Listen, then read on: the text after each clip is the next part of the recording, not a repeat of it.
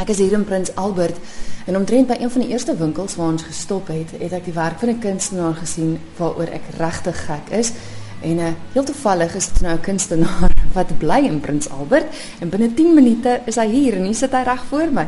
en dit is JP Meyer. JP baie welkom op RSG Kuns. Baie dankie, ek's baie geëerd. JP, ek sit nou hier met jou biografie voor my en eh, die eerste sin sê dat in jou 40's het jy besluit om 'n hele nuwe ander mm. hele nuwe rigting in te gaan. Wat het jy gedoen en wat het gemaak dat jy die besluit het maar jy wil 'n kunsrigting ingaan? Ek het van kleins af geweet ek wil reis, so na toe ek uh, na skool het ek by die lugdiens aangesluit. Ja. En toe vir omtrent um, 15, 16 jaar gevlieg vir Suid-Afrikaanse lugdiens en toe op 'n stadium in daai proses het ek het ek um, baie na kuns gekyk en toe op 'n stadium besef maar kan nie vir die res van my lewe vir die lugdiens werk nie. Ek wil graag van loopbaan verander. Toe op die ouderdom van 37 uh teruggegaan voltyds kuns gaan swat.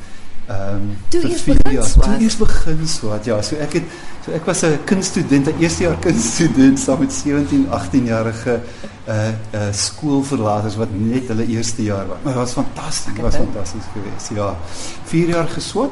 Ehm um, en in daai 4 jaar wat ek wat ek studeer het, ehm um, een of twee keer Prins Albert toe gekom, verlief geraak op Prins Albert van kleins af groot geword op, in 'n in 'n in 'n verlate droë landskap Namibië.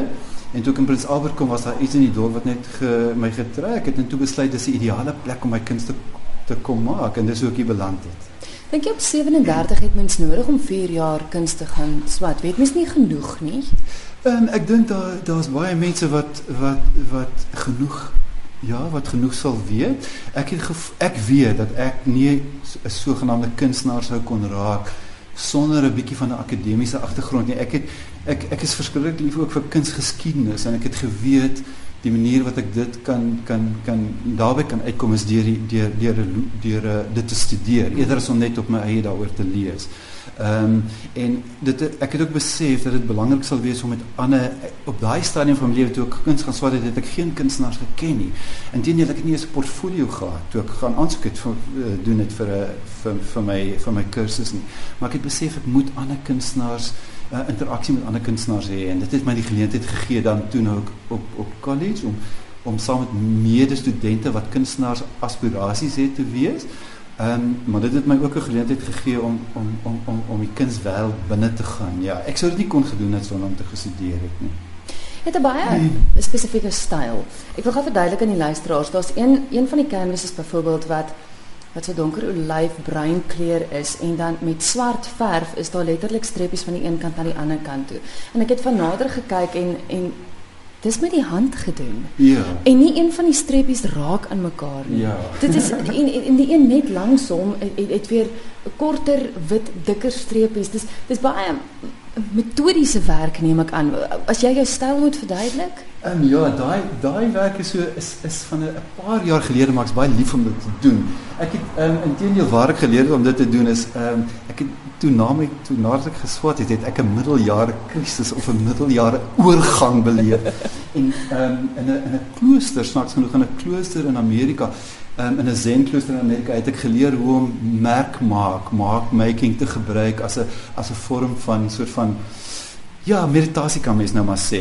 En dit is bietjie kompulsief obsessief, maar ehm um, maar dit het vir my 'n proses geword van net 'n stil proses van meditasie basies. Dit het nou 'n bietjie verander want ek het nou ek verstaan nou myself beter. Ek is nou deur die groot krisis en ehm um, ek het ook besef op 'n stadium dat daai daai benadering is baie nou verwant aan die aboriginals van Australië se benadering. Ook daai merke, sulke net sulke metodiese merke maak en um, ek is toe Australië toe ehm um, en daar met aboriginal kunstenaars kontak gemaak Ehm um, en ehm um, van daar af het ek besef dat ek ook dis nou 'n lang storie wat ek probeer so kort maak, maar hulle het so 'n assosiasie met die landskap.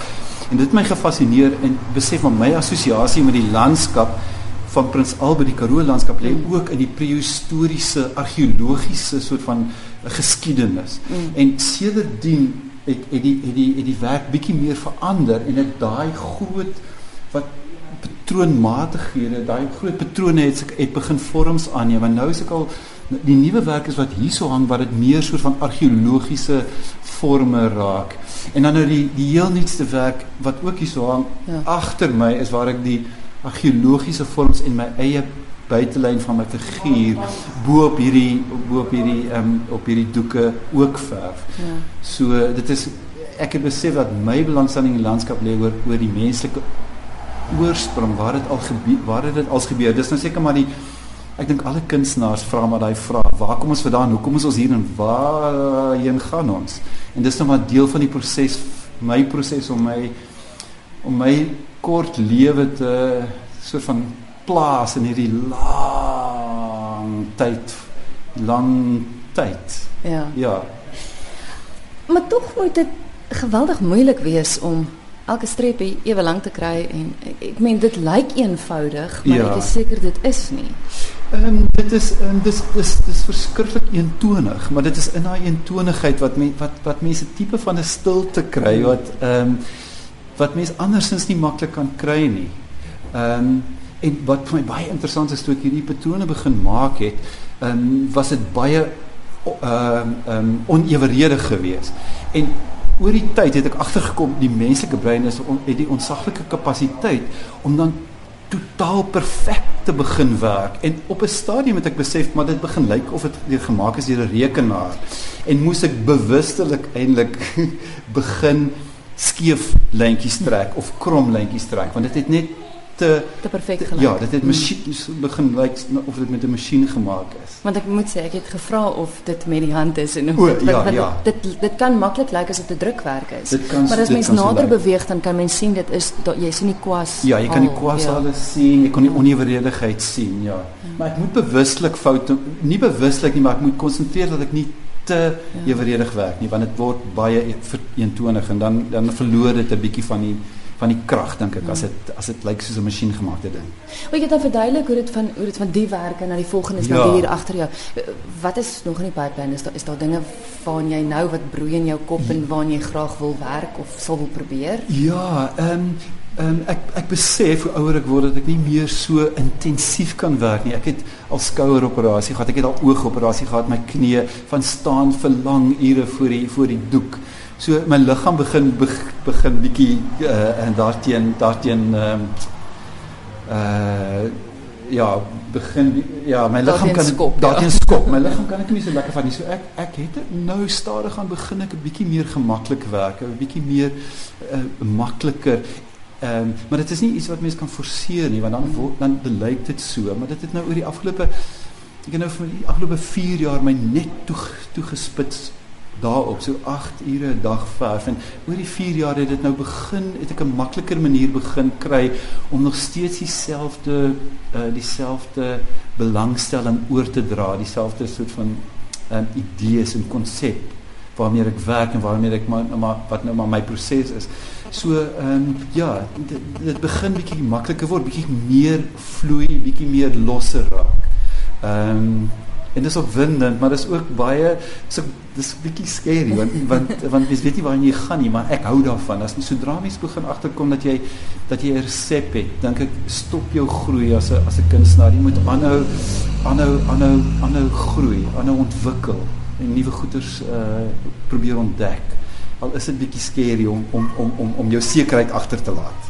Hoe maak luisteraars? Waar is jou werk oral te sien? Het jy 'n webwerf byvoorbeeld of moet hulle net pro Prins Albert toe kom? Ek is um, ek is besig om te werk aan 'n webwerk op die oomblik. Dit sal seker teen my maand gereed wees. Ek voel ook nou ek is nou lank genoeg kunstenaar dat ek 'n dat ek 'n tipe van 'n portfolio het wat 'n webwerf vir my die moeite werd maak. So daar is um, beskikbaar in, in Prins Albert omdat ek hier woon en ek so soos Koert nou net gedoen het my gebel het en ek kon gou vir jou kom hallo sê. Um, en dis vir my lekker om daai persoonlike kontak te hê met mense. Ehm um, en dan is daar 'n vrou in in Camps Bay Rose Kolber sy verkoop al vir 10 jaar 10 jaar my werk. Ehm um, en dan hoop ek in die toekoms sal dit meer omdat dit so stadig omdat ek so stadig werk het ek nog nie vreeslik geplaas by verskillende plekke en gallerye nie maar miskien in die toekoms as ek bietjie vinniger begin werk bietjie meer produseer op die oomblik produseer ek as gevolg van die proses baie Ja. min werk Baie dankie, Jackie. Dit is 'n plesier, dis geëer. Dankie.